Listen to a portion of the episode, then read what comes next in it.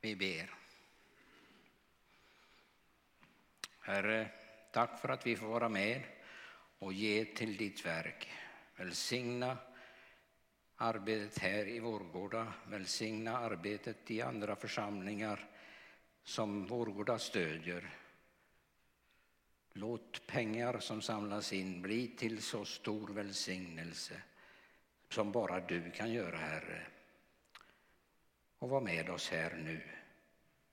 Amen.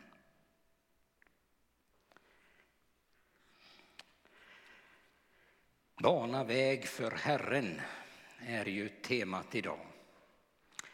Det var Jesaja som sa det och de orden används om Johannes döparen som vi har läst om lite här. Han satt i fängelse och undrade hur går det nu?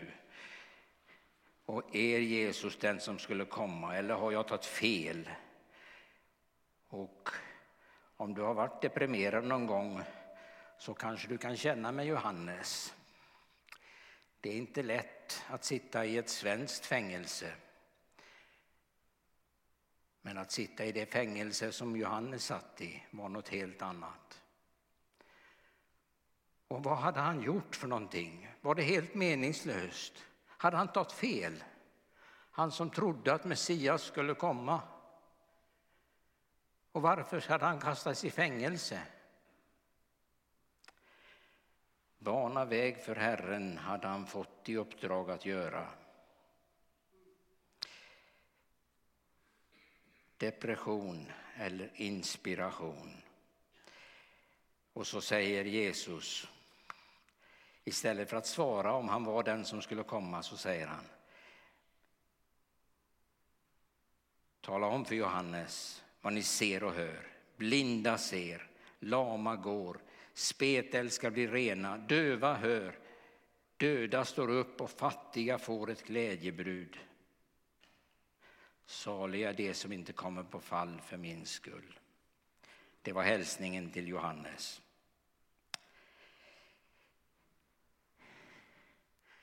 Bana väg för Herren. Jag tror att vi behöver höra de orden idag mer än kanske på Johannes tid.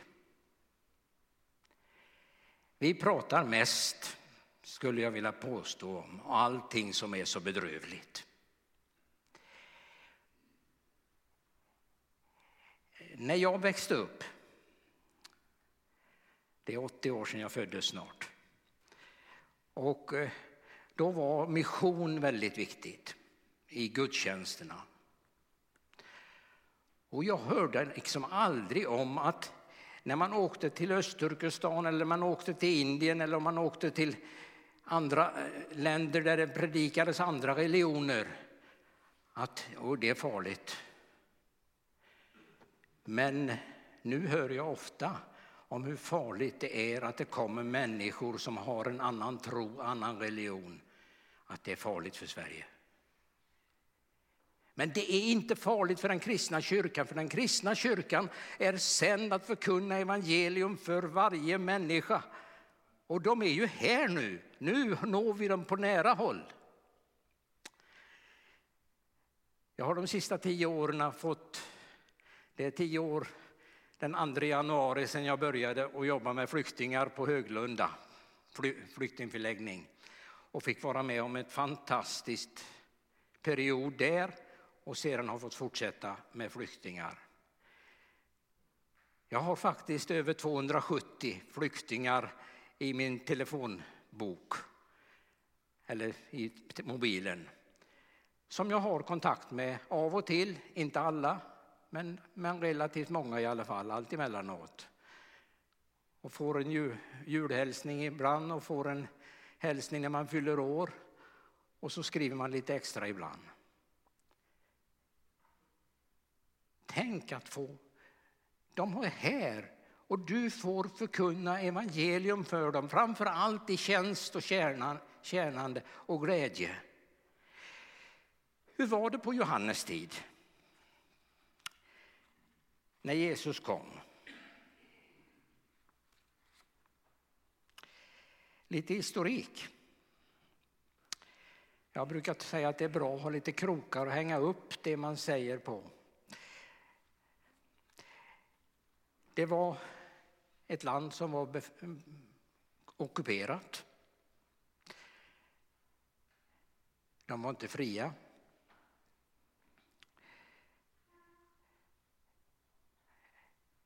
Det fanns många olika grupper i det här landet som hade olika åsikter om hur landet skulle styras, hur religion skulle förkunnas.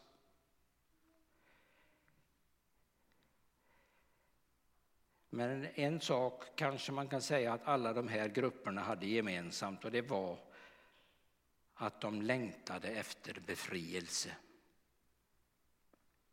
Om du då läser gamla, eller om tiden omkring så var ju den, eh, den viktigaste gruppen, eller den som hade, man hade mest att göra med, det var ju ockupationsmakten. Den fanns överallt i samhället. När Jesus föddes då var det ju Herodes den store som regerade. Han var byggmästare.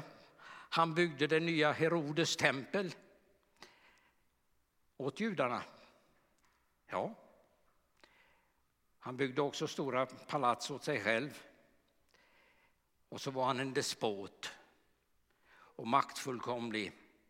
Och därför när han fick höra om att en kung hade fötts så, tog, så såg han ju till att döda så många pojkar han kunde så att säkert den här nya kungen skulle dödas. Det var och romarna, som var ockupationsmakten, hade ju som princip att slå ner alla som gick emot dem med stor makt. Men samtidigt vill man ha lugn och ro i sina, alla de olika provinserna. Vi har aldrig varit med om ockupation nästan på här i Sverige. Vi har inga sådana minnen. Jag har fått läsa mycket om, eller lära mig mycket om ockupation och vad den gör med människor under de här tio åren jag har fått jobba med flyktingar. Man lär sig att vara smidig, man lär sig att inte säga för mycket. Man lär sig att säga ja till alla, allt som någon säger, för att säga nej kan vara farligt. Att inte ställa upp är livsfarligt. Det har jag lärt mig. Man får väldigt många ja utav flyktingarna. Sen är det inte säkert att det blir så. Men det är en kunskap som man lär sig när man är ockuperad. Det var en del av detta samhälle som fanns då också. Sen hade vi sadduceerna eller sadukerna. Det var de ledande i den religiösa världen i Israel på den tiden. Översteprästerna och prästerskapet i stort sett var saduker. Det var en inomvärldslig tro. De trodde inte på något liv efter döden. De trodde på en Gud som hade skapat och som hade kallat dem att vara det utvalda folket. Men han brydde sig inte så mycket för övrigt om den värld han skapat. Det var deras tro i korta drag. Sen hade du fariseerna, de avskilda, betyder det. De hade som mål att Guds vilja skulle genomföras i samhället. Förverkas överallt. I alla beslut, i allting som de fattade, som de kunde bestämma över, så skulle Guds vilja vara det viktiga. De var de manliga ledarna skulle man kunna säga. De fanns framför allt i synagogorna. Där betydde fariseerna väldigt mycket.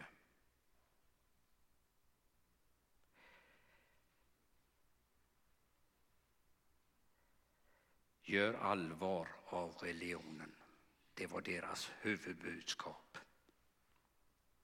Och så hade du esséerna. Vad var det för något då? Ja, troligen vart hörde Johannes, det tror man, det vet man inte säkert, men troligen hörde han till dem. esséerna, de tog, drog sig åt sidan, drog sig undan, nästan en munktillvaro. Och du vet om Johannes. Han levde i öknen. Han åt gräshoppor och honung. Och han klädde sig i kamelhår.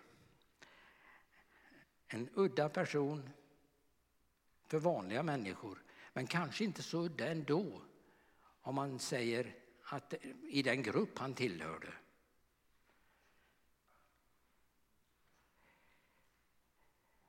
De hade ett reningsbad, ett dop. Och Johannes kom ju sedan när han gick ifrån den här gruppen, från ökentillvaron till att börja på att predika. Då döpte han ju med Johannesdopet, ett dop till rening från synd. Och sen har du seloterna. Det finns ju en lärjunge som heter Simon Seloten. Det var en terrorgrupp eller en, eller en befrielsearmé, vilket vi nu vill kalla dem för. Beroende på vilket, från vilket håll man såg dem. År sju efter Kristus gjorde de uppror, ett uppror som slogs ner väldigt brutalt av Rom. År 66 då gjorde seloterna åter ett uppror och det var då Jerusalem förstördes och templet förstördes och judarna fördrevs i stort sett ifrån från Israel för att leva i exil till 1948. Det var seloterna. Deras mål var att med våld störta eller få bort Och sen fanns det de som kallades de stilla i landet. Det var de vanliga människorna som försökte, och som jag sa, det här försökte att parera, inte komma i konflikt med soldaterna, inte komma i konflikt med seloterna, inte komma i konflikt med någon, utan försöka att få leva ett lugnt liv. Känner du igen det här i vårt samhälle idag?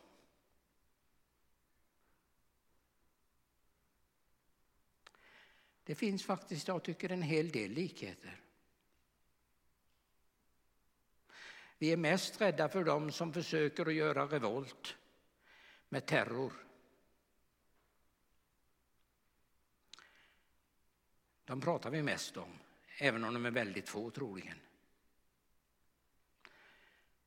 Och sen har vi de här som är väldigt säkra på att kristen tro är skadligt för landet. Och sen har vi vi. Hur hörs vi i det samhälle vi lever? Ja, du kan räkna upp fler.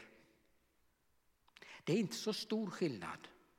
Men det var mitt i detta som Jesus kom och mitt i detta som lärjungarna skulle gå ut och predika evangelium.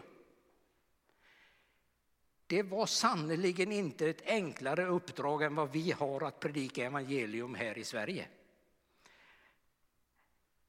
Vi har inte den situationen som kanske var på 1930-40-talet när vi 40-talet när jag föddes och, och det var liksom väckelsemöten och det var människor och kristen tro predikades även i skolorna. Och det var lätt och vi tyckte det var fantastiskt kanske på ett sätt. Den situationen är det inte nu. Men vi är faktiskt mer lik den situation när evangelium förkunnades över hela världen. Hela den då kända världen. Och tänk dig att på hundra år så spreds det över i princip hela romarriket.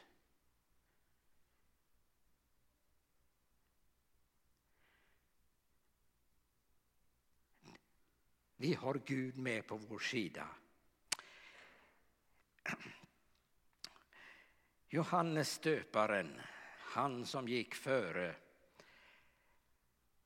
han hade blivit utsedd till det uppdrag han fick i moderlivet. Och nu ska vi läsa från Lukas 1. tror vi har det på Hej. Lukas 1, 13-17.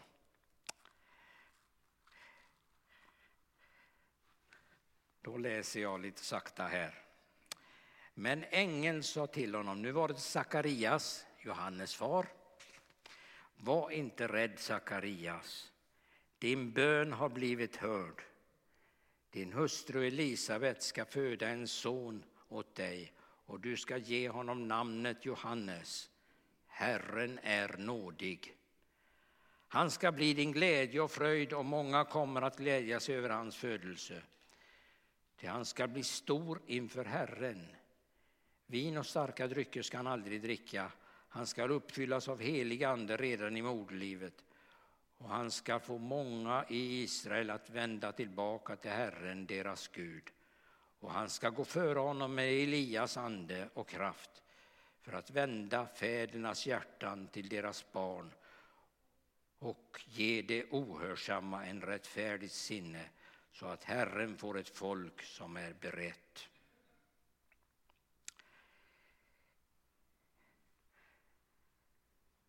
Johannes gick ut med ett budskap som var farligt. Han vågade till och med kritisera kungen. Det var Herodes Antipas när Johannes började förkunna. Och för det blev han ju fängslad så småningom och också halshuggen. Han döpte till bättring, han fanns vid Jordan. Han döpte också Jesus. Han talade dom. Det var hans huvudbudskap. Gör bättring, annars drabbar domen er. I texten vi såg i början så står det att, han är, att Johannes är minst den minste bland er. Jag läste en bibeltolkning för ett tag sedan, ja det är länge sedan nu, men där det stod att, att Johannes han är minst därför att han trodde inte på Jesus. Han tvivlade på honom och det står inte att han blev omvänd. Det tror jag är fullständigt fel. Jesu ord om Johannes visar verkligen på att han tillhör riket. Men Guds rike är det omvända riket. Det är den som är minst är störst. Hörde du i min berättelse som jag läste förut? Den lille Ivan har fått betyda så mycket i vår familj. Men han fick många slag. Under ett år så myste han tre stycken män som hade stått honom nära när han var nio år. Och det gjorde honom att han inte orkade med livet under en period utan fick ta lite hjälp av både tabletter och annat. Så kom han igen. Och han är en liten kille, var en liten kille som nu är en vuxen man och har en fin familj med barn och fru. Störst men ändå minst. Det är Guds rike. Det är Guds rike.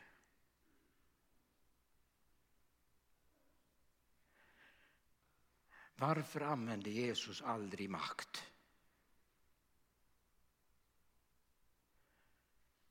För han representerade Guds rike. Han gick hela vägen till Golgata kors, led och dog i kärlek till oss. Det är Guds rike som ger och ger igen. Himmelriket är det omvända riket. Riket som inte kan försvaras med makt. När Guds rike har fått makten på sin sida, då har det alltid tappat fokus. Har du märkt det?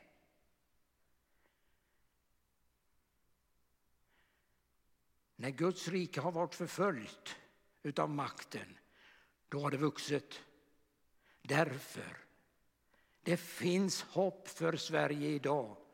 Vi kan tycka att vi är motarbetade, vi kan tycka att det är svårt att jobba, att det är svårt med allt det som händer i Sverige.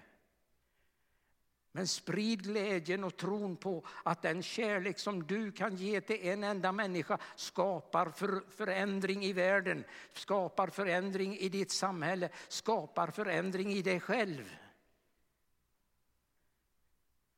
För det är Guds rike. Det är det som är Guds rike. Att du ger ut av dig själv. Jag sa att jag har jobbat mycket med flyktingar de sista tio åren. Och det är fantastiskt att få göra det.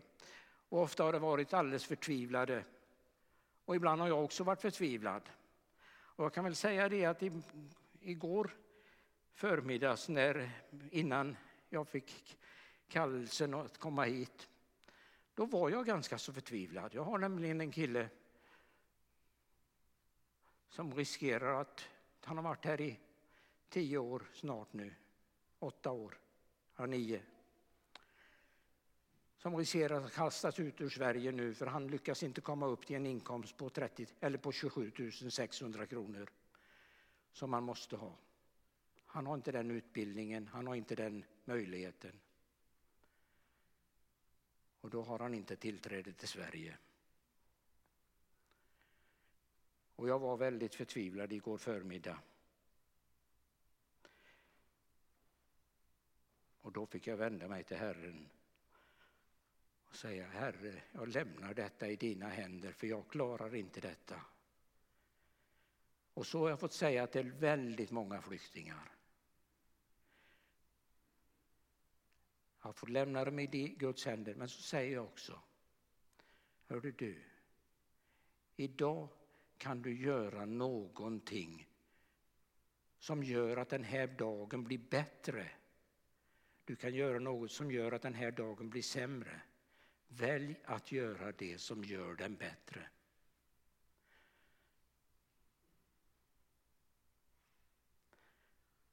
Och det är uppmaningen till oss alla här. Gör så att den här dagen blir bättre för dig, för någon annan. När du går och lägger dig ikväll